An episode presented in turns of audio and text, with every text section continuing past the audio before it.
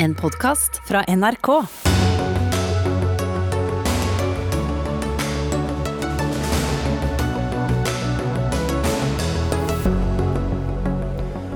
Hadde folk i nord måtte betale ti ganger mer for strømmen enn folk i sør, hadde bygdeopprøret vært i gang for lenge siden. Det mener lederen i Oslo Høyre, og møter olje- og energiministeren til debatt. KrF varsler kamp mot liberalisering av abortloven, er skuffet over at bruken av nemnder skal utredes, og møter Arbeiderpartiet i Dagsnytt 18. Strømkamp mellom sokkel i vann og industri på land. Elektrifiseringen av plattformene vil ta strømmen fra landbasert grønn industri, frykter vestlandsordfører. Og Norge ba Tyrkia løslate politisk fange. Den norske ambassadøren er kalt inn på teppet. Men hva skjer med vår Nato-allierte i sør? Ja, Det er noen av sakene i Dagsnytt 18 denne tirsdagen, der vi også ser på konsekvensen av at Russland trekker hele delegasjonen sin ut av Nato-hovedkvarteret. Men eh, vi begynner med strømprisene, for også i dag så ble det satt eh, norsk rekord, og vel å merke da i sør i landet. For landet er nå delt helt i to. Et, et, normal, et normalt besøk i, eh, i, dusjen i Oslo koster for tiden tre-fire ganger så mye som i f.eks. Trondheim. På det mest ekstreme har prisen vært flere ganger større enn det mellom nord og sør. Og Heidi Nordby Lunde, du er stortingsrepresentant for Høyre, du er Oslo-boer, og du leder Oslo Høyre. Hva er din reaksjon på disse forskjellene? Jeg har en, På vei inn til studio så leste jeg akkurat en artikkel om at dette fort kan snu, i og med at vi nå får et vindkraftoverskudd, visstnok i Europa i løpet av neste uke. Men eh, likevel så legger Høyre fram i morgen et forslag i Stortinget om å gi økning i bostøtte og sosialhjelp for, leie, for, å hjelpe de som nå blir kraftig rammet av, av dette, midlertidig. Men hadde det vært omvendt, hadde det vært nesten gratis strøm i Oslo, mens andre steder betalte blodpris, så tror jeg nå at det hadde vært fram med bunaden og på med faklene. Sånn er det ikke. Og det, ehm, det, jeg reagerer på, er jo at i regjeringsplattformen så innrømmer jo Arbeiderpartiet og Senterpartiet at forskjellene i levekår mellom fattige og byområder og resten av landet øker. Likevel er resten av politikken deres hovedsakelig retta mot vanlige folk i distriktene. Så når begynner vi å gå, kanskje ikke i bunader, men med fakler i Oslo? Det burde vi kanskje begynne å vurdere. Ja, eh, bør vi det, Marte Mjøs Persen? Du er såpass fersk som olje- og energiminister at du skal ikke få all kjeft for, eh, for det som eh, nå skjer. Men er dette en villet politikk? Det er jo på sett og vis en politikk som er sånn fordi at man har valgt et system som gjør at vi har forskjellige prisområder i Norge. Så folk flest i nord har altså da fått denne gunstige ordningen? Men dette varierer jo, som også Heidi Nobby Linde sier, at det varierer jo eh, alt dette som vær og vind. Først og fremst er det et tegn på at vi har en, eh, et kraftmarked, en strømpris som varierer veldig etter hvilket vær det er. Både i Norge, i de ulike delene av landet vårt, men også hvilket eh, andre forhold ute i Europa. Sant? Både, nå har vi en slags sånn perfekt storm med både høye gasspriser, høye kullpriser, lite vind, men som eh, også påpekt her, eh, det forandrer seg jo da når det er ventet at det skal komme mye mm. vind i Europa. Men er det greit at det er så store forskjeller? Nei, altså i fjor på denne tiden så var prisene veldig lave, akkurat av de samme årsakene i denne delen av landet. Og nå er det hovedsakelig Sør-Norge, ikke bare i Oslo, men også på Vestlandet, hvor jeg kommer fra, eh, hvor prisene er høye og har vært høye de siste dagene. Og det er fattig trøst for de som nå er bekymret for om de kommer til å klare å betale strømregningen, at det var billigere i fjor, eller at det kommer til å forandre seg i morgen. Og Derfor så har jeg lyst til å si til alle de som er bekymret, at denne regjeringen som jeg sitter i, vi ønsker å bistå de menneskene. Vi ønsker Hvordan å komme med Hvordan tiltak, både på kort sikt. Eh, her er flere tiltak eh, nevnt, og de skal vi komme med eh, når vi har fått tenkt oss litt om noen dager om hva som vil treffe best. fordi at her er det jo noe med å gjøre det, men både dette med bostøtte, økt bostøtte har vært nevnt. Andre ting som går direkte på strømregningen til folk, har vært nevnt. Og det skal vi komme tilbake til. Men det handler også om hva vi gjør på lang sikt. Og Da er jo det viktig at vi også bygger ut eh, nettkapasiteten, at vi bygger ut mer fornybar energi i Norge, sånn at vi kan sikre både forsyningssikkerhet på en god måte, men også eh, stabile eh, strømpriser. Her er det ikke noe politisk uenighet? Eh, ikke på det siste, og det er jo korrekt som statsråden for så vidt eh, påpeker, at dette her er villet politikk. For jeg mener jo at også forrige regjering førte en aktiv distriktspolitikk, hvor man bl.a. hadde lavere moms på, på strøm i, i, nord.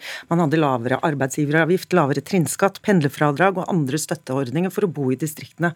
Samtidig så innrømmer jo denne eh, regjeringen at det er levekår mellom fattige byområder og resten av landet som, som øker og retter alle virkemidlene inn på distriktene. I tillegg så foreslår de å tappe byene for egne inntekter gjennom å endre inntektssystemet for fylker og kommuner, ha gratis fergepriser, billigere eh, diesel og bensin i distriktene, øke pendlerfradraget og endre skoleinntektssystemet, slik at små grendeskoler med få elever får mer støtte, istedenfor å prioritere skoler i områder med store sosiale forskjeller og elever som sliter. Og Jeg er klar over at statsråden ikke er den rette statsråd for å omtale det, men for en regjering som har gått på valg for å eh, redusere forskjellene. Og for vanlige folk så virker det på meg som at vanlige folk ikke bor i byene.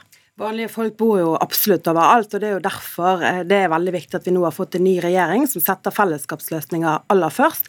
Eh, og alle de tiltakene som vi ønsker å foreslå i den perioden vi skal sitte, som handler om gratis barnehage, som handler om å gjøre SFO billigere, som handler om å skape fellesskole, alt dette vil jo kanskje ikke minst komme barn og folk i byene til gode, nettopp fordi at det er fellesskapsløsninger.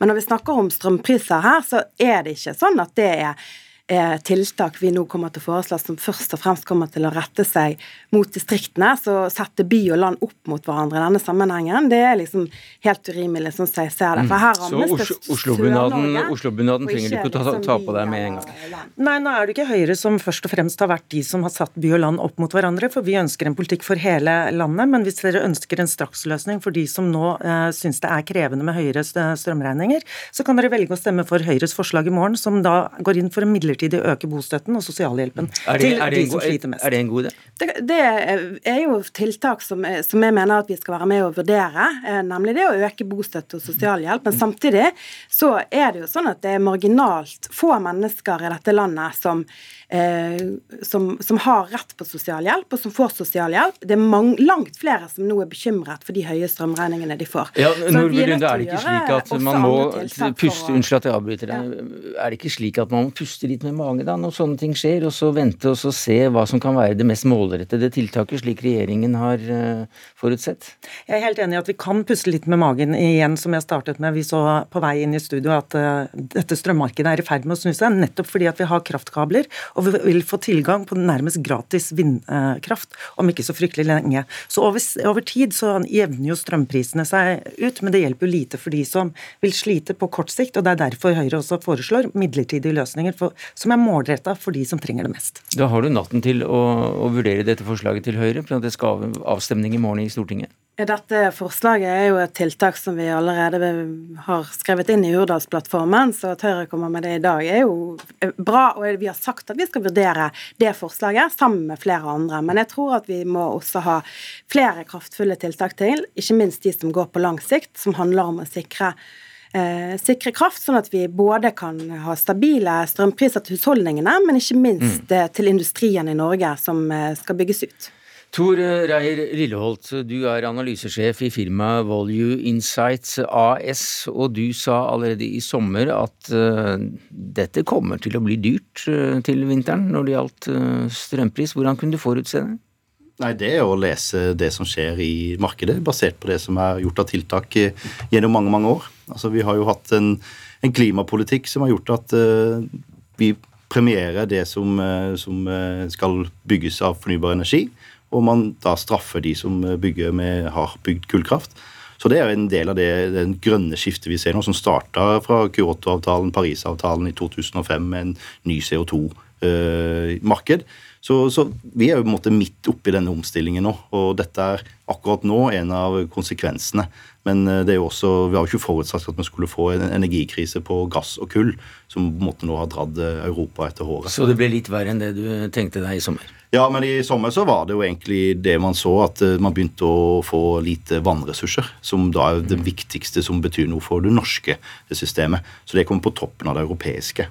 Men er det så galt da at strømmen blir forholdsvis dyr? Vi ligger fremdeles ganske godt an på europeisk målestokk. Altså, det grønne skiftet kommer, og da må vel strømprisen gå opp? Vi trenger i hvert fall mer fornybar kraft eh, for å Kom, altså for å klare det grønne skiftet. Sant? Vi trenger eh, fornybar kraft til å bygge ut ny grønn industri, som eh, til dels er svært eh, kraftintensiv, i tillegg til å legge forholdene til rette for den kraftintensive industrien som allerede er, som er blant den grønneste i hele verden, egentlig, i fjordene på Vestlandet. Så alt dette skal vi sikre, og da trenger vi å bygge ut mer fornybar kraft. Men jeg tror at at litt av problemstillingen nå er at det er både stor forskjell mellom de ulike prisområdene, men, at, men også Eh, at det er stor eh, forskjell og svingninger gjennom året. Men, men, men et, et, øyeblikk også, jeg vil tilbake til Unnskyld at jeg avbryter deg igjen, men jeg vil tilbake til denne prisen eh, som mange kan se som også ganske fornuftig, fordi at da sparer vi vel mer, og det er ikke noe vits i å, å sløse. Vi har jo alltid trodd at strøm er helt gratis med, med elektrisk oppvarming av innkjørsler etc. Altså, Strømmen og kraften har jo vært en av våre aller største konkurransefortrinn i dette landet når, vi, når, det gjelder å skape arbeidsplasser og industri, og det skal det fortsette å være. Men kan du ikke svare liksom, på det? Kan, kan jo, ikke du svare på Jo, men jeg, jeg, jeg spør også om ikke det er ganske greit at forbrukerne faktisk, privatpersoner, også må betale litt mer for å sløse mindre. Ja. Men bare for å fullføre, og Derfor er det viktig med billige kraftpriser i Norge. Og Det mener jeg skal også komme forbrukerne til, gode. Vi har et konkurransefortrinn eh, også i, i, det markedet. Det at eh, vi bor i et land der vi kan produsere mye fornybar kraft, det er bra også for mm. forbrukerne. Men er det, er det vanskelig for deg som minister å si at du faktisk uh, synes det er greit at forbrukerne må betale litt uh, høyere strømpriser? Det som jeg syns er viktig, da, det er jo at vi uansett pris eh, er nødt til å være med og energieffektivisere. Eh, og Det er mange viktige tiltak å, å sette mm. i verk for å få ned strømforbruket. Og det eh, må vi bare intensivere. Jeg la merke til at ikke svarte på det spørsmålet, men, men Tor Reier Lilleholt et øyeblikk. Tor Reier Lilleholt, hvorfor er det akkurat nå så veldig stor forskjell på nord og sør? Det har jo bygd seg opp over en tid. Altså, Vi har jo fått hatt litt mer regn i, i nord. Eh, og vi har hatt mye investeringer i vindkraft. Da må vi slå sammen Nord-Norge og Nord-Sverige, for de er ganske tett eh, bundet sammen. Så da har man investert over tid, som gjør at de har mer, mer, ressurser nå. Eh, når det da blir lite kabler mellom nord og sør, som vi har i Norge, da har man på en måte ikke helt gjort jobben sin over tid, at det er nok forbindelse mellom nord og sør, så har Nord-Norge større konkurranse mot de produsentene som er der. altså De må konkurrere mot hverandre og få det volumet for å få produsert nok. Men det er, vel, det er vel, i gang en utbygging av, eh, av kabler også mellom ja, nord og sør? Det tar mange år. Mm. Så det, det er ikke et strakstiltak, det er på en måte noe man må planlegge for fremtiden. Men eh, Sør-Norge har jo definitivt hatt en, en, større utfordring når det gjelder knapphet på, på vann med en kald, sommer, nei, kald vinter, veldig fin sommer. Det er ikke mer enn en måned siden vi gikk i shorts. Mm. og vi på en måte, Det er nå forbruket begynner å stige. Og vi eksporterer eh, via den nye kraftledningen til Storbritannia. Ja. Astrid Mæland, du er kommentator i Verdensgang. Hva slags politisk sak er denne forskjellen på kraftpriser mellom nord og sør blitt? Det er jo en dårlig sak. Det er jo litt eh, vanskelig for eh, statsråden her, som har vært på jobb i fire-fem dager, å få en strømsjokk midt i fanget. Vi har jo det nesten hvert år. ikke sant, At eh, media begynner å skrive om at det er dyrt med strøm eh, egentlig litt senere enn nå. da, Det bruker å januar, februar og etterjulsvinteren. Nå kom det jo fryktelig tidlig. Og så kommer den nye statsråden og får det her enormt dyre strømmen i fanget. Det er ikke noen statsråd som kan leve med over tid uten å komme med forslag. og Her ser vi jo både Høyre og Arbeiderpartiet har forslagene klare om å, om å gi bostøtte og kutt i avgiftene, sånn at strømmen blir dyrere. I Norge så er vi vant til å ha kjempebillig strøm, sånn som eh, vi snakka om her. Og så er det jo fryktelig kaldt her, da, så vi trenger jo litt strøm òg. Men er det litt populistisk da å foreslå en masse tiltak med en gang det kommer en liten, eh, et lite hopp i, i strømprisen? Altså, Når det gjelder bostøtte og elavgiftskutt og sånne ting, det kan jo virke momentant. Eh, eh, hvis han bestemmer seg for det. Eh, men hvis det er snakk om kabler, som du om, så tar det mange år. Og statsråden snakker om å bygge ny kraft i Norge, spare på kraften. Det tar jo òg litt tid. Eh, sånn at de de korte, gode tiltakene er vel de vi har vært inne på her, om å støtte folk som ikke har råd til å betale strømregninger. For vi kan ikke ha det sånn i Norge at folk ikke har råd til å betale strømregninger. Husker vel den store, vonde saken fra i sommer, der det var en mann, en uføretrygda mann som fikk beskjed av Nav om å låne seg en grill, grill ut, for han har ikke råd til å betale strømregninger. Det der kan ikke statsråden ha. Et sånt brev kan ikke statsråden få nå. Ja, og Derfor har jeg lyst til å si at ingen skal bekymre seg for det. Eh, man må ikke sitte hjemme og fryse, f.eks. Ikke i Oslo heller. Eh, ikke i Oslo heller. Ikke noen steder eh, bør man gjøre det. Så eh, da må man be om hjelp. Men Senterpartiet og Arbeiderpartiet gikk altså til valg på å redusere forskjellene. og Hvordan rimer det da med strømprisene vi ser nå? Nei, Du ser jo et gryende byopprør. Jeg har jo venta litt på det. Heidi Nordby Lunde fra Høyre hun målbærer det byopprøret. Det er jo Oppgaven hennes hun er jo i Oslo Høyre. Og hun er sikkert lei av å høre om eh, at det er snakk om å gi gratis ferje bare på, den, på bygda, og der skal det være enda billigere drivstoff, og de skal gjenopprette høgskole på Nesna. og Det er mye snakk om bygda, og da er det ikke så rart at, at det kommer et byopprør og så kommer det her strømforskjellen, prisen, på toppen av det hele. Og da er det ikke så lett å ha sympati bare for dem i distrikta og nord for Dovre. Da blir man eh, litt, eh, synes man litt synd på dem i Oslo og omegn nå. Så man etterspør altså solidaritetsaksjoner i nord? Kronerølling kanskje til uh, byfolk? vi kan jo bygge en ny fett kabel fra nord til sør, da, sånn at vi får litt av den krafta som nordlendingene har. Vi er visst i gang med det, men den blir ikke ferdig før 2027 eller noe slikt. Takk skal du ha, Astrid Mæland, kommentator i VG, Tor Reier Lilleholt, analysesjef i Value Insight, Heidi Nordbø Lunde, stortingsrepresentant for Høyre, med mye mer, og Marte Mjøs, ny olje- og energiminister fra Arbeiderpartiet.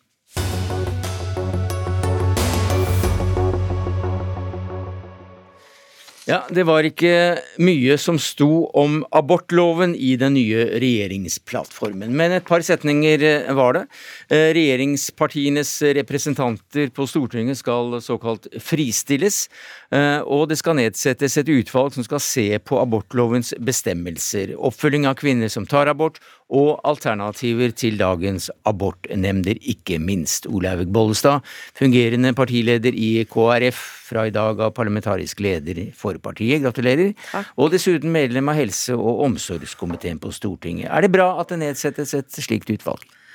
Sånn I utgangspunktet så er det jo mange problemstillinger rundt eh, abort, det har jeg lyst til å si. Og, og det at en skal se på abortlovens bestemmelser, betyr jo i praksis eh, om en skal utvide. For vi vet at det fire av fem partier på venstresida ønsker det. Og så ser jeg at de òg skriver noe om at de skal se på, på eh, hvordan kvinner blir fulgt opp etter abort, det syns jeg er bra. For det er ikke alltid like bra, måten de har blitt oppfylt på. Men så ser jeg òg at de skal si noe om abortnemnder. Og, og, målet har jo vært for noen av partiene å fjerne abortnemndene. Og det som jeg tenker i det, som har jobba mer i helsevesenet enn jeg har vært politiker, det er at eh, abort er jo en utrolig krevende sak for de som skal ta valget. Og I helsevesenet så er det sånn at når du skal ta vanskelige valg, uansett hva det er, så er det et team rundt deg for å hjelpe deg å ta mm. vanskelige valg.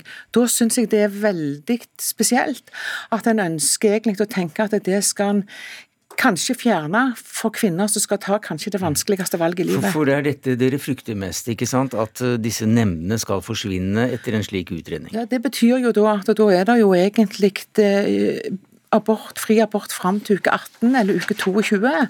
Eh, og det er et paradoks eh, for KrF, fordi at eh, det er sånn at vi vet mer og mer om liv i mors mage. Vi kan redde flere og flere unger. I land er det ned til 23, gjerne lavere enn det òg. Og da er det et mm. paradoks at vi skal utvide abortloven med det som mm. hensikt, når en kan redde flere og flere unger. Cecilie Myrseth, du er ny helsepolitisk talsperson for Arbeiderpartiet. Velkommen og gratulerer. Takk, eh, Er det det som blir utvalgets eh, mandat, å se om ikke man skal sanere hele nemndordningen? Først vil jeg bare si at eh, Vi gjør jo ting på en skikkelig måte eh, i den nye regjeringa. Eh, vi har flombelysninga på, vi gjør ting skikkelig og ordentlig. Vi setter ned et utvalg som får fakta på bordet. Det motsatte av hva den andre regjeringa gjør, hvor man bare la abortloven på forhandlingsbordet på Granavolden. Så det er jeg veldig glad for at vi gjør ting skikkelig, og det fortjener de kvinnene som står i vanskelige valg. Men så reagerer jeg jo litt på eh, den bekymringa som kommer. Fordi at eh, eh, Man kan spørre, stille seg spørsmålet eh, ønsker man i dag å endre abortloven fra KrF sin side. Det er jo mulig å ta abort i dag mellom uke 12 eh, og uke 18, men spørsmålet er jo hvem er det som skal ta beslutninga? Er det en nemnd som skal bestemme over kvinnen, eller er det kvinna sjøl som kan få lov til å ta det valget? Og så er vi jo enige at man skal ha all den støtta og hjelpa som trengs.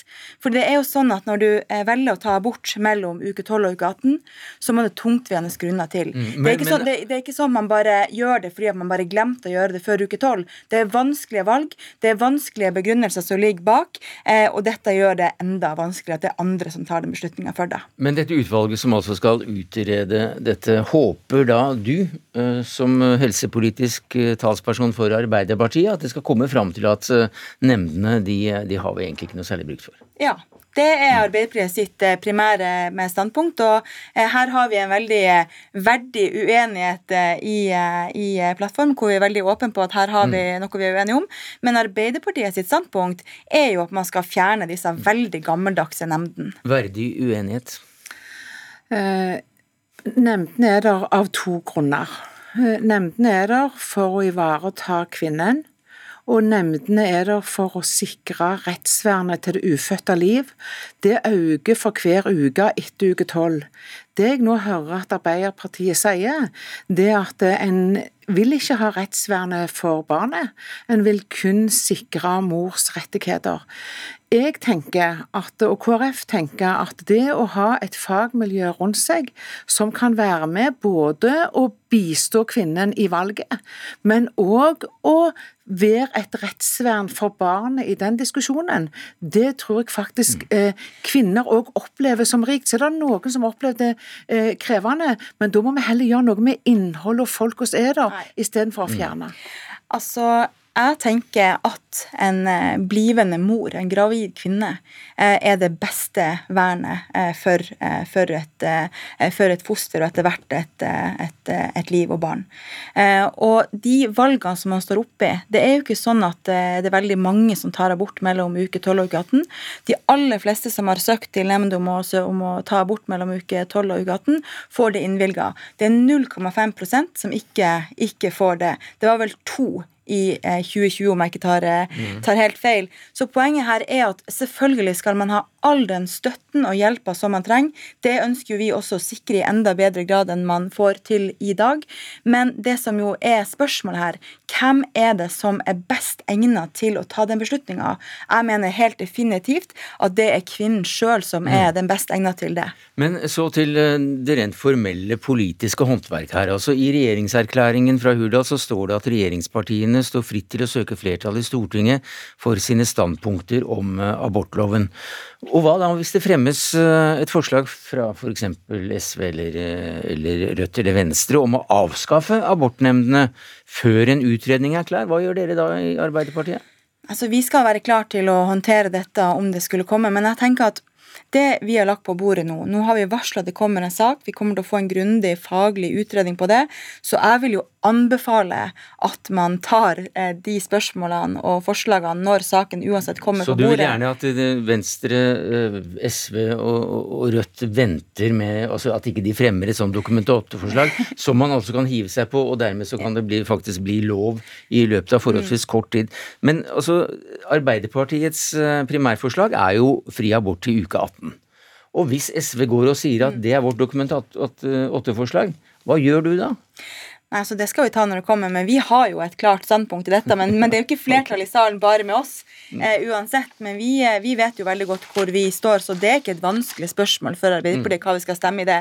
Men jeg vil jo bare si at vi har alle godt av å få de eh, faktaene på bordet på hvordan man skal bedre, eh, bedre helsetilbud til disse, eh, disse damene. Så jeg tenker det er klokt for saken. Denne utredningen, var det en seier for Arbeiderpartiet i Hurdalsforhandlingene?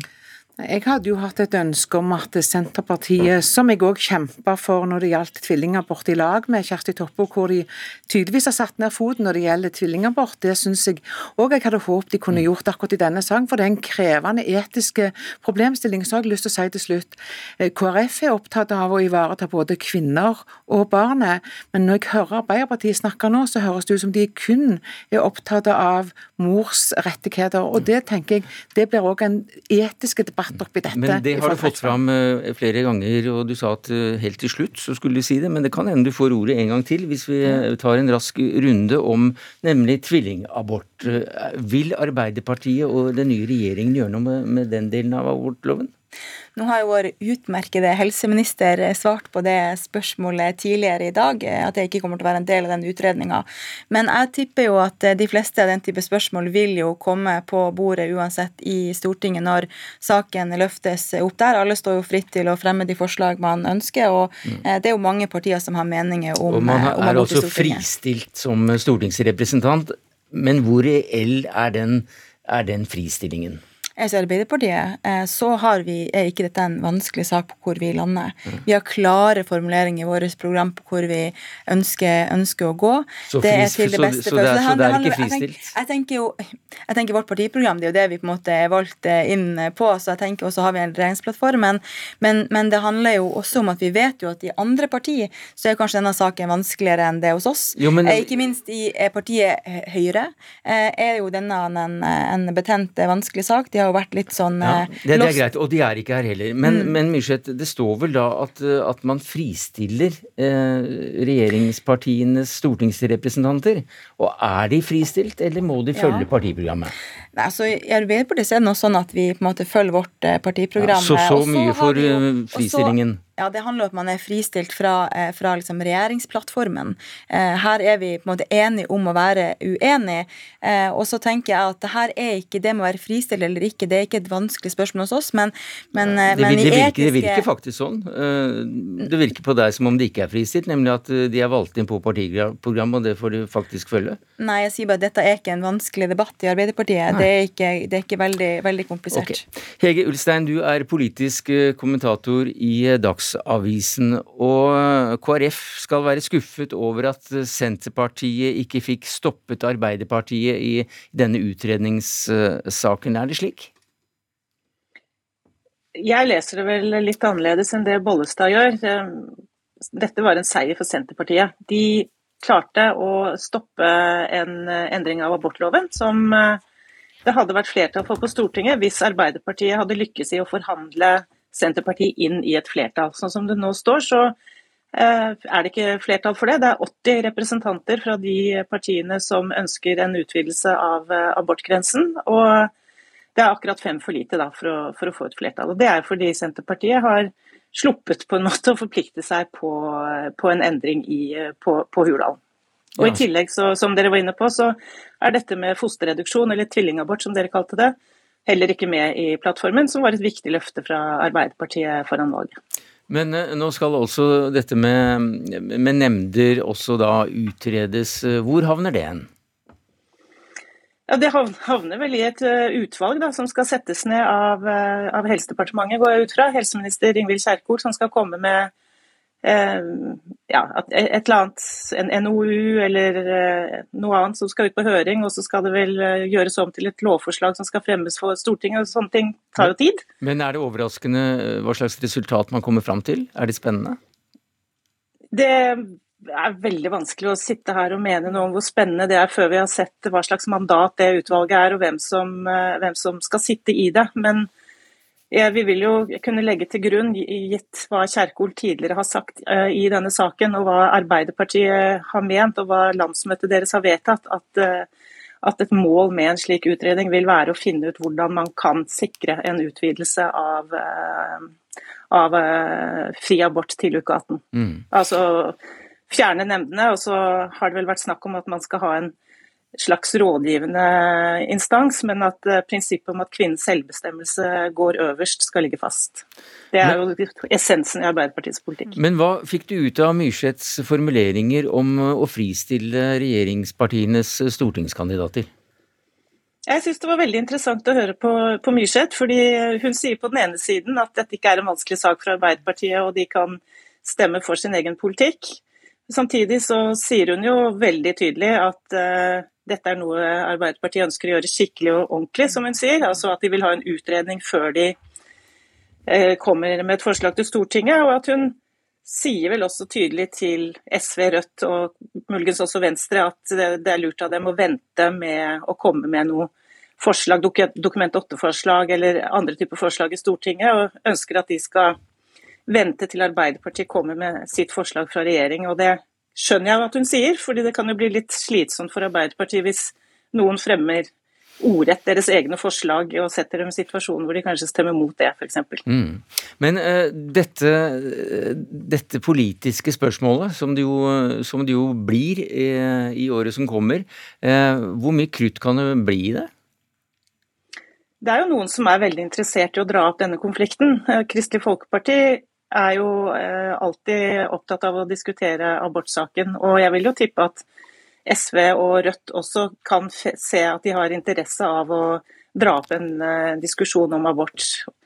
Og I tillegg så skal vi heller ikke se bort fra at Venstre kanskje ser at de kan plage Arbeiderpartiet litt hvis de får satt dem i en situasjon hvor de kan stemme mot sin egen uh, politikk. sånn at jeg vil jo ikke gi så veldig høye odds, tror jeg, å si at abortsaken kommer til Stortinget på en eller annen måte i løpet av neste år som et Dokument 8-forslag fra ett eller flere av, av de partiene som uh, som, eh, som, mener at den grensen skal utvides. Mm. Men da forutsetter vi også at Arbeiderpartiets representanter blir reelt fristilte og får lov til å stemme for et sånt forslag, og da kan det bli spennende. Da skal det bare et par-tre løse stemmer fra Senterpartiet og Frp, så kan det plutselig bli flertall. Takk skal du ha, Hege Ulstein, politisk kommentator i Dagsavisen, til Olaug Bollestad, fungerende partileder i KrF, og Cecilie Myrseth her i studio som nyvalgt leder for for Helseaksjonen. Takk skal du ha.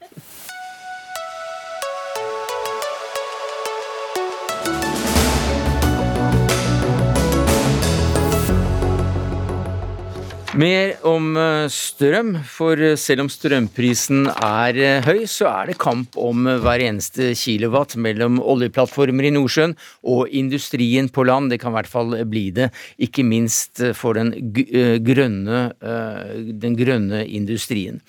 Hvilke konsekvenser kan elektrifiseringen av plattformene få for kommunen din, ordfører i Øygarden, Tom Georg Indrevik? Ja, tusen takk. Først vil jeg gratulere Marte som eh, statsråd. Det er utrolig stas å få en eh, fra vår region eh, på plass der inne. Det ser vi frem til. Men for oss er dette et spørsmål. Hvis du har knapphet på en ressurs, så er det slik at da må du bruke den der du kan få mest igjen for den. Derfor ønsker vi, og det har vi foreslått tidligere også, og foreslått nå i det siste, å utsette elektrifiseringen av plattformen i Nordsjøen for å sikre nok kraft til å skape varige grønne arbeidsplasser på land på kort sikt sikt. Ja, hva slags konkrete eksempler er det du har for akkurat eh, varige arbeidsplasser som du håper kan komme hvis dere får kraft nok? Nei, I forbindelse med Langskip eller CO2-lagringsprosjektet Northern Lights som bygges eh, i Øygarden, så er det stipulert at man trenger eh, bare frem til 24 ca. 100 megawatt. Og Det er da industri som f.eks. fanger CO2 fra luften. Det kan være hydrogenproduksjon. Det kan være andre typer næringer som trenger kraften. Den kraften per i dag finnes det ikke der. Og Vi har heller ingen muligheter til å få den frem dit eh, til det tidspunkt disse næringene ønsker å etablere seg. Det betyr at hvis vi utsetter og forskyver litt på elektrifiseringen, som jeg også ønsker vi skal få til, eh, så vil vi kunne sikre kraften til å skape grønne arbeidsplasser lokalt. og Det håper vi å få hjelp til, bl.a. av den nye statsråden. Ja, Så det er også slik at kraften som skal til for å elektrifisere sokkelen, krysser foran den kraften som du trenger til din kommune for å skape varige grønne arbeidsplasser? Ja, ikke bare min kommune, dette gjelder jo opp langs hele kysten og i hele bergensregionen, så er dette en kjempestor utfordring. Kraften finnes i indre deler av fylket, men vi har vært for dårlige på å få nok overføringslinjer ut. Nå er det overføringslinjer, men den kraften som nå kommer ekstra, den går til elektrifisering av sokkel. Som i seg selv er en god sak, men om vi skyver på den noen år, så tenker jeg at eh, det viktigste er å skape nye grønne arbeidsplasser i første omgang. Marte Mjøs Persen, altså da plutselig tilbake i studio, fremdeles som olje- og energiminister fra Arbeiderpartiet. Hva sier du til de argumentene om at grønne, varige arbeidsplasser på land faktisk står i fare pga. ønsket om å elektrifisere nå? Først og fremst vil jeg jo si til ordføreren i Øygarden at vi deler jo det samme ønsket om å få etablert mye ny grønn industri over hele landet. Og da handler det om at vi må bygge ut eh, kraftnettet og overføringskapasiteten. Og så er det dessverre sånn at eh, vi ikke er der vi burde ha vært eh, i dag. Det er veldig mange som søker om ny, altså ny tilkobling, og veldig mange av de har ganske store punkt Altså de, trenger mye kraft for å få det til. Ny kraftintensiv industri. Og jeg som olje- og energiminister ønsker at vi skal klare å eh, nå de målene eh, om å fornye industri. Men jeg har lyst til å minne om at det er den forrige regjeringen da, eh, som har gitt konsesjon til Troll for elektrifisering, og den tillatelsen den er gitt. Jo, men jeg, Høyre var vel ikke, nei, Arbeiderpartiet var vel ikke helt uenig i det? Nei, og, nei. og det som så, er da, så, da, så, da er mitt, så da er mitt spørsmål mm. I dag, i dagens situasjon, så er det kamp om knappe ressurser. Du kan ikke få til både elektrifisering nå av sokkelen og nok kraft til eh, disse nye varige arbeidsplassene innenfor grønn industri på land. Hvordan vil du prioritere? Eh, saken er at eh, det er jo en sannhet med modifikasjoner. fordi at det er jo kraft også til eh, mange nye grønne arbeidsplasser. Så det er ikke sånn at det bare er det ene eller det andre. Og det å elektrifisere ja, du, hører, jo ordførerens bekymring her. Han ja, sier at ja, det er kamp om knappe ressurser, at er... slik at man faktisk, faktisk, må prioritere. Og det er politikernes ansvar nettopp å prioritere når det er knappe ressurser. Og hvordan vil du som minister prioritere? Nei, og Der er det bl.a. satt ned et offentlig utvalg som innen, innen sommerferien skal levere sine anbefalinger på hvordan vi kan prioritere i en sånn situasjon, og ikke minst eh, se på tiden det tar å konsesjonsbehandle nye anlegg. Fordi at I dag så tar det ganske lang tid fra begynnelse til slutt. og Vi er nødt til å se på den tidslinjen for å få farten opp med tanke på å eh, få, få, få, mer kraft, eh, ikke minst ut i ytre strøk. Der så, det, så, det, grønne, så dette skal også utredes, det er det du sier, og så tar dere standpunkt Der kommer det anbefalinger om ja. hvordan dette kan løses. Sofia uh, Marhaug, du uh, representerer Hordaland for Rødt på, på Stortinget og er annen nestleder i energi- og miljøkomiteen komiteen. Det blir vel klart nå. Gratulerer til deg også. Tusen takk. Hvilken løsning ser dere for dere? Rødt har jo vært eh, negativ til å elektrifisere sokkel. Vi mener jo at det bidrar til å forlenge oljealderen. Vi grønnvasker eh, en eh, industri som vi egentlig bør fase ut. Og det har jo vi begrunnet i at her kommer det interessekonflikter, og det ser vi jo nå. Her har staten brukt mange, mange penger på å gi støtte til et mer klimavennlig prosjekt Eh, gjennom Enova, eh, som nå står i fare for å ikke bli realisert. Eh, fordi mm. man bruker den, det nettet man har, til å elektrifisere sokkel i stedet. Og det mener vi er feil prioritering. Så du som nestleder da i energi- og miljøkomiteen for Rødt, du er faktisk enig med Høyre-ordføreren her? Ja, og han er jo uenig med sitt eget parti, da. Han burde jo egentlig rettet skytsen mot uh, Tina Bru. Men uh, det er klart at ja, Hun er ikke her, nei, og hun er ikke så relevant her lenger heller. Hun er ikke så relevant nei. lenger heller. Uh, og, men det er jo veldig bra likevel at ordføreren gir beskjed, og jeg tror at det kommer til å komme mange sånne saker i tiden framover, fordi vi har hatt en politisk konsensus der man har prioritert å forlenge oljealderen i stedet for å satse på ny grønn industri. Hva sier du til det, eh, Mjøs Persen? Ja, jeg mener jo at det er viktig at vi også er med og utvikler, og ikke bare avvikler hele oljeindustrien. Nettopp fordi at veldig mye av den kompetansen som vi trenger til disse nye grønne industribedriftene eh, i hele landet, den den kompetansen, den kunnskapen, den teknologien, den kommer faktisk fra oljeindustrien. Så her er det ikke sånn at det er enten-eller, men jeg mener at vi er nødt til å både redusere utslippene på sokkelen, men vi er også nødt til å få mer fornybar energi. Og både i bergensområdet, på Haugalandet, der er det kapasitetsutfordringer på nettet, og det er noe vi er nødt til å mm. løse, og det må vi få farten opp med. Og det gjelder uansett eh, sånn som jeg ser det. Men akkurat nå er det litt enten-eller eh, i Øygarden eh, hvis eh, de tidsfristene som er gitt, skal følges. da. Eh, og det vil jo eventuelt være en fallitterklæring for elektrifiseringsprosjektet, og det vil jo være et Hva var det vi sa? Men da blir jo det på en måte det verste av to verdener, da. Man forlenger oljealderen og får ikke nådd de klimamålene som man har satt seg, da. Nei, Jeg håper at vi skal kunne klare å få til eh, også den nye grønne industrien. Og det mener jeg at vi skal eh, også klare å få til nok strøm. Mm. Vi har ganske mye kraft, eh, men det er overføringskapasiteten fra på mange måter indre til ytre mm. strøk som gjør at vi må, må, må få det til. Og, ja, hvis, eh, det, ja, ja, takk, begge deler. Tom Georg Indrevik, er det slik? La det være sagt, det er veldig gøy at det er tre eh, hordalendinger som sitter her og diskuterer dette. Det er jo kjempespennende. Punkt én, jeg tenker vi eh, her kan forskyve noe av elektrifiseringen. Jeg er for elektrifiseringen, i motsetning til Rødt, men her har det om å kunne prioritere i en kortere periode. Passerer vi 27, 28, 29, så vil det være nok kraft i dette området. Så her eh, tror jeg utfordringen går til den nye statsråden, som jeg også ga til den gamle statsråden.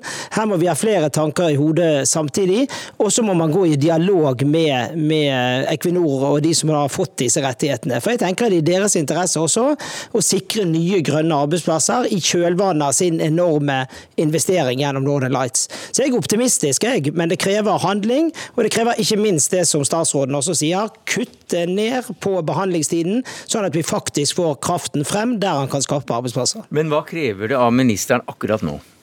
Nei, dette utvalget som er satt ned er jo kjempebra, det. Men et utvalg som tar seks måneder, greit. Sånn er det nok i, i statlig verden. Eh, jeg håper jo at vi raskere kan få konsesjonsbehandlingen igjennom, og at vi får dialog med olje- og gassnæringen, og det skal jo sikkert statsråden ha som ny statsråd, og se om det går an å gjøre begge deler. I tillegg tenker jeg også at energiverket på, på Mongstad kanskje bør vurderes forlenget, og ikke avvikles slik som det er nå. Så jeg tenker det er alltid gøy når det kommer nye folk folk på toppen. Da har de muligheter til å snu alle steinene en gang til, og det satser jeg på at den nye statsråden gjør. Det var litt vanskelig å høre ordføreren, men eh, jeg har lyst til å si at eh, jeg synes at det, jeg har lyst til å nevne da, at Statnett har eh, satt i gang planlegging av flere prosjekter eh, for å bedre kapasiteten på nettet i bergensområdet, både på kort og på, på lang sikt. da. Eh, og på de langsiktige tiltakene så har Statnett bl.a. Eh, utarbeidet konseptvalgsutredning eh, for bergensområdet, hvor de mm. både vurderer de behovene for nettilgang, og så har jeg lyst til jeg, Vi må nesten slippe til det. Og den sier jo at vi trenger mer energi for å elektrifisere sokkel, og fordi man ønsker å øke forbruket og sikkert òg eksporten. Og det er jo hele problemet. Vi må jo snu den tankegangen. Fordi det som skjer vi, altså Man kan få ned behandlingstiden, men det er jo det strømnettet da, som man likevel der man konkurrerer mellom grønn og eh, eh, oljeindustri. Og da eh, må man enten velge, eller så må man bygge ut og bygge ned naturen. Det er det som er i ferd med å skje nå. Man bygger ned naturen for å forlenge oljealderen og elektrifisere sokkelen. Jeg mener at vi trenger mer fornybar og ny fornybar energi for å klare det grønne skiftet. Eh, vi må kutte både utslippene på sokkelen, vi må bevare arbeidsplasser og utvikle nye arbeidsplasser, lage ny grønn industri. Mm. Men problemstillingen her er jo det at eh, når det kommer til f.eks. Rødt sine forslag, så er jo de imot alle former for ny energi. Vi ser jo bl.a. at, hydrogen, at ha, ja, dette hydrogenanlegget Vi trenger jo også kraft til det. Og da er det bl.a. havvind på sokkelen modellen, som er en av de løsningene for å, å få til ny eh, grønn energi. Ny da er vi ferdig med et slags eh, vestlandsnytt her, og vi slutter med Ole Brumm. og så begge deler, takk. Takk skal dere ha. Marte Mjøs Persen, olje- og energiminister, Sofie Marhaug, stortingsrepresentant for Rødt for Hordaland, og Tom Georg Indrevik, ordfører i Øygarden.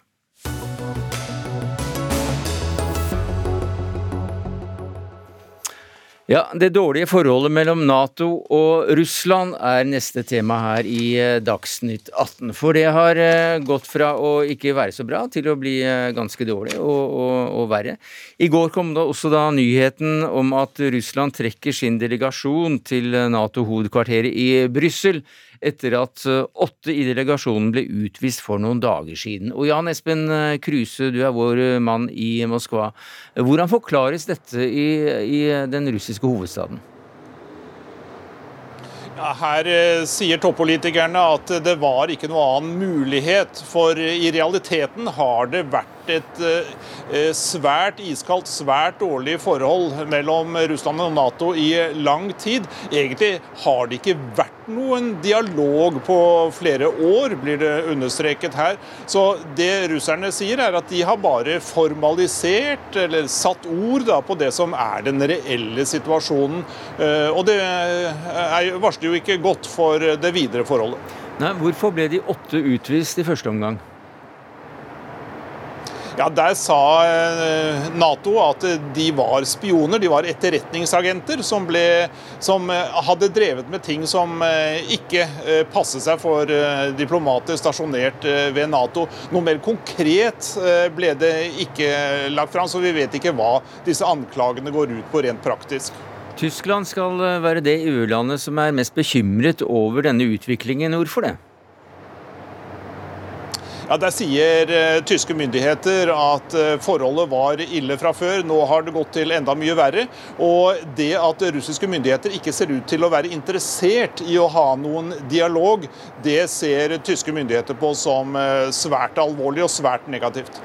Tirsdag så møter den norske utenriksministeren Anniken Huitfeldt sin russiske kollega Lavrov. Kan denne saken bli et tema også der? Ja, Det møtet skjer i Tromsø, er eh, i Barentsrådet, så det er jo ikke en sak som egentlig hører hjemme der. Nå skal de snakke om eh, tiltak, forhold i nordområdet. Men eh, de to utenriksministrene skal også ha et tosidig møte, så kanskje kan det komme opp der. Men det er jo ingen grunn til å tro at, at russiske myndigheter vil endre synspunkt i denne saken på Nato. Der har de nå tatt et standpunkt, og de har brutt alt samarbeid. Men eh, hva slags retorikk bruker russiske myndigheter når de omtaler Nato nå? Ja, De sier at det er eh, aggressive holdninger, det er antirussiske holdninger. De snakker mye om disse militærøvelsene som begge sider, Nato holder det i nærheten av grensa til eh, Russland, altså i Polen og Baltikum. Eh, Russland holder store militærøvelser ikke så langt fra grenseområdet på sin side.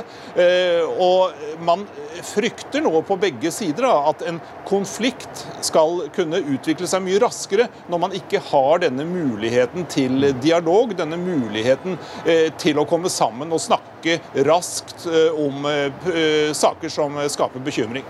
Takk skal du ha, Jan Espen Kruse i Moskva. Karsten Friis, du er seniorforsker og leder for forskningsgruppen for sikkerhet og forsvar ved NUPI, altså Norsk utenrikspolitisk institutt.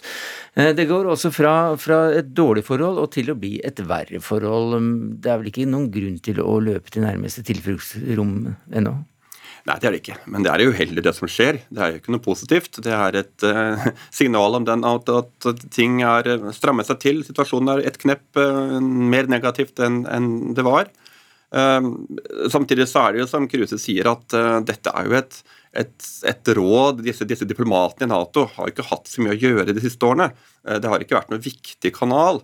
Men likevel, nå er det en politisk direkte kanal mellom Nato og Russland. er da lagt på is. Ja, Hva var meningen med å invitere såpass eh, mange russere i en stor delegasjon og, og ha dem helt i nærheten av, av Nato-hovedkvarteret? Ja, dette, dette, var noe som oppsto på slutten av 90-tallet. Da var det andre tider.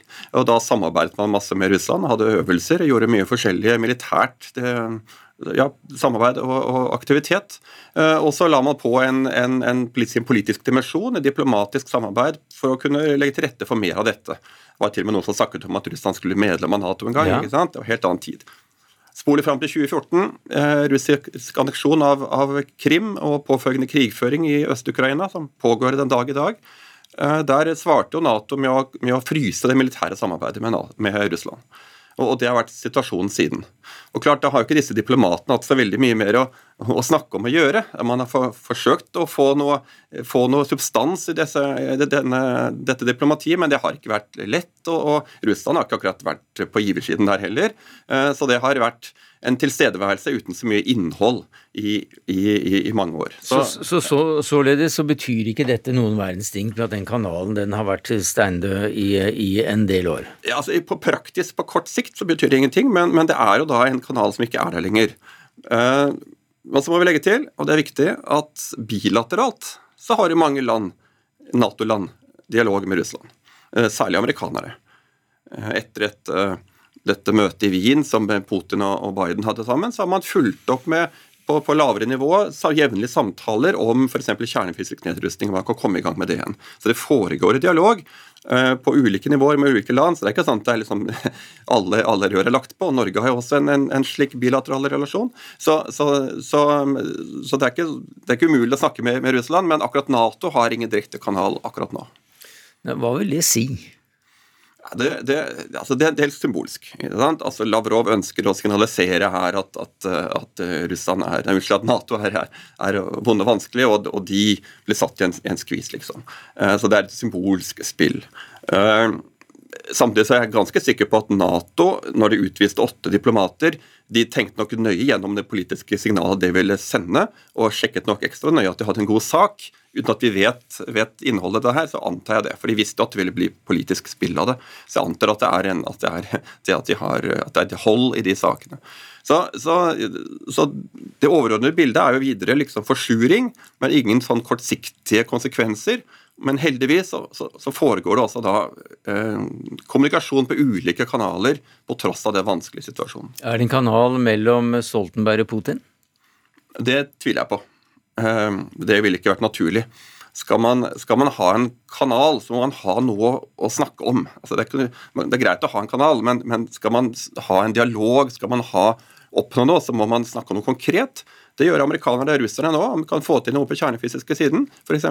Da prøver man på lavere nivåer å finne noen sånn felles plattform.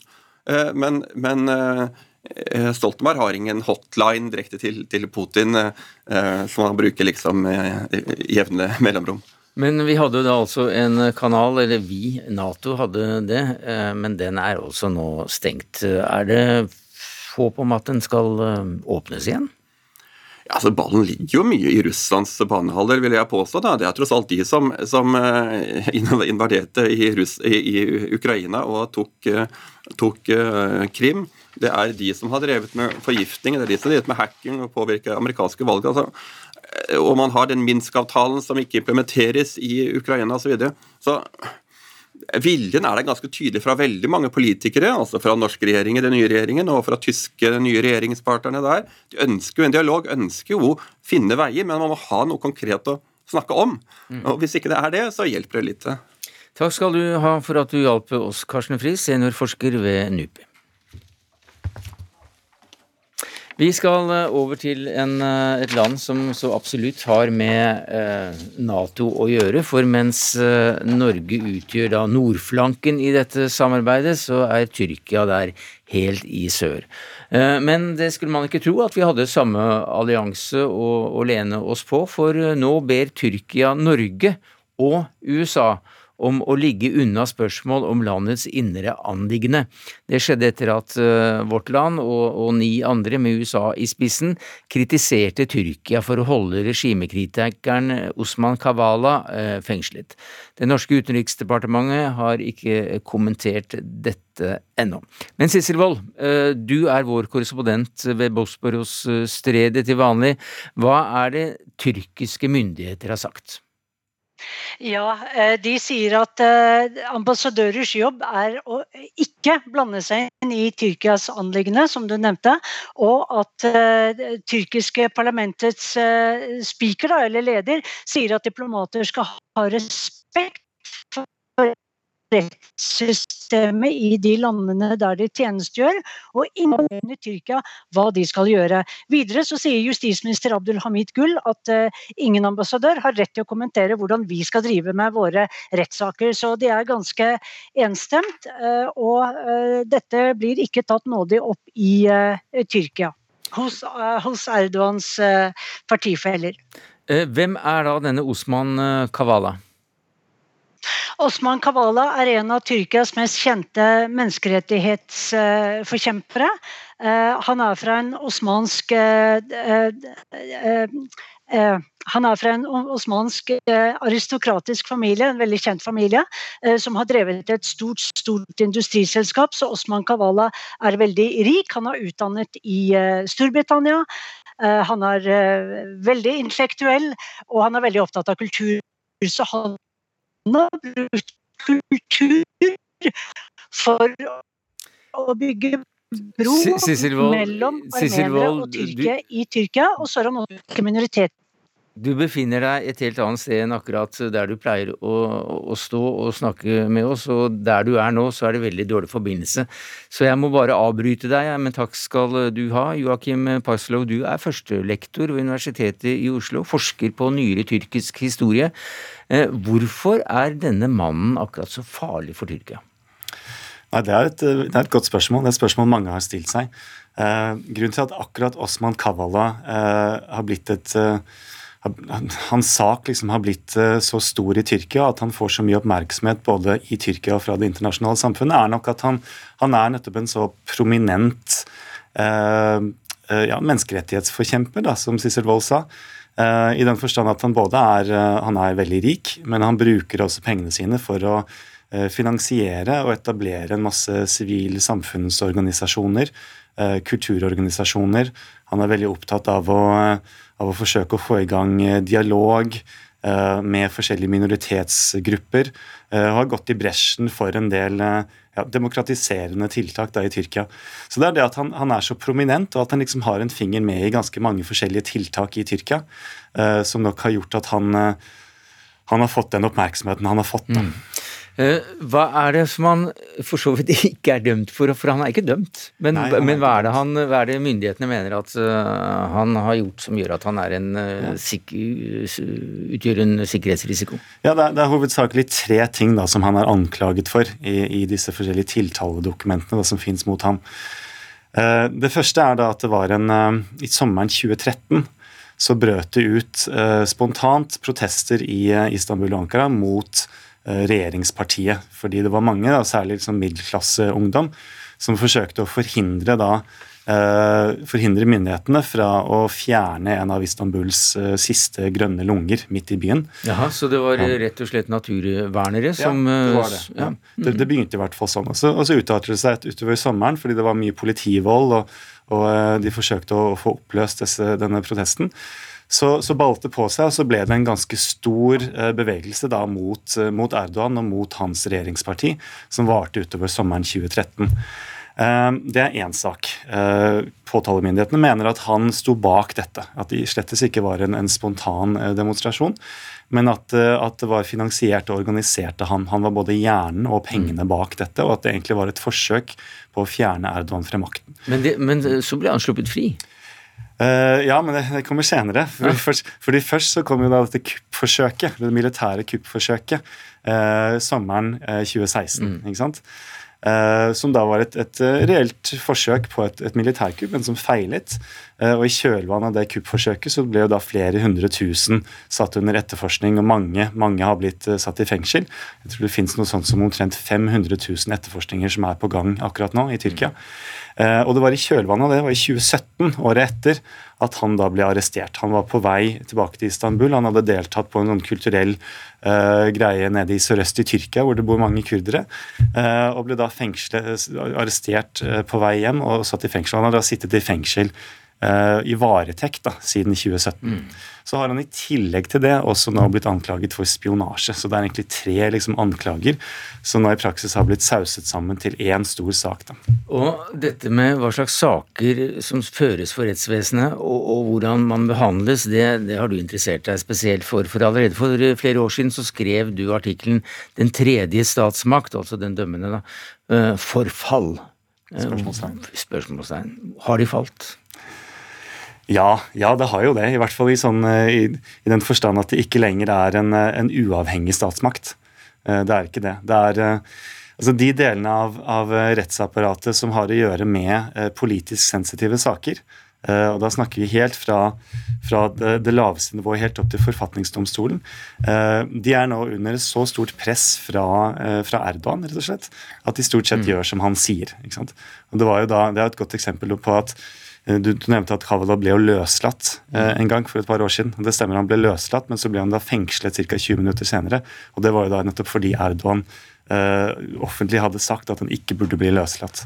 I dag er det fire, eller i går var det fireårsdagen for at han da ble fengslet for, for første gang. Så får vi se hvor mange år det går til han blir løslatt.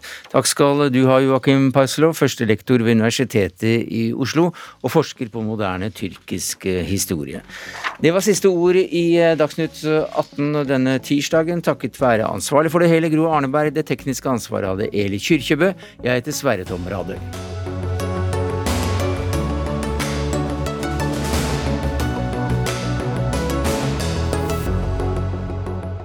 Du har hørt en podkast fra NRK. Hør flere podkaster og din NRK-kanal i appen NRK Radio.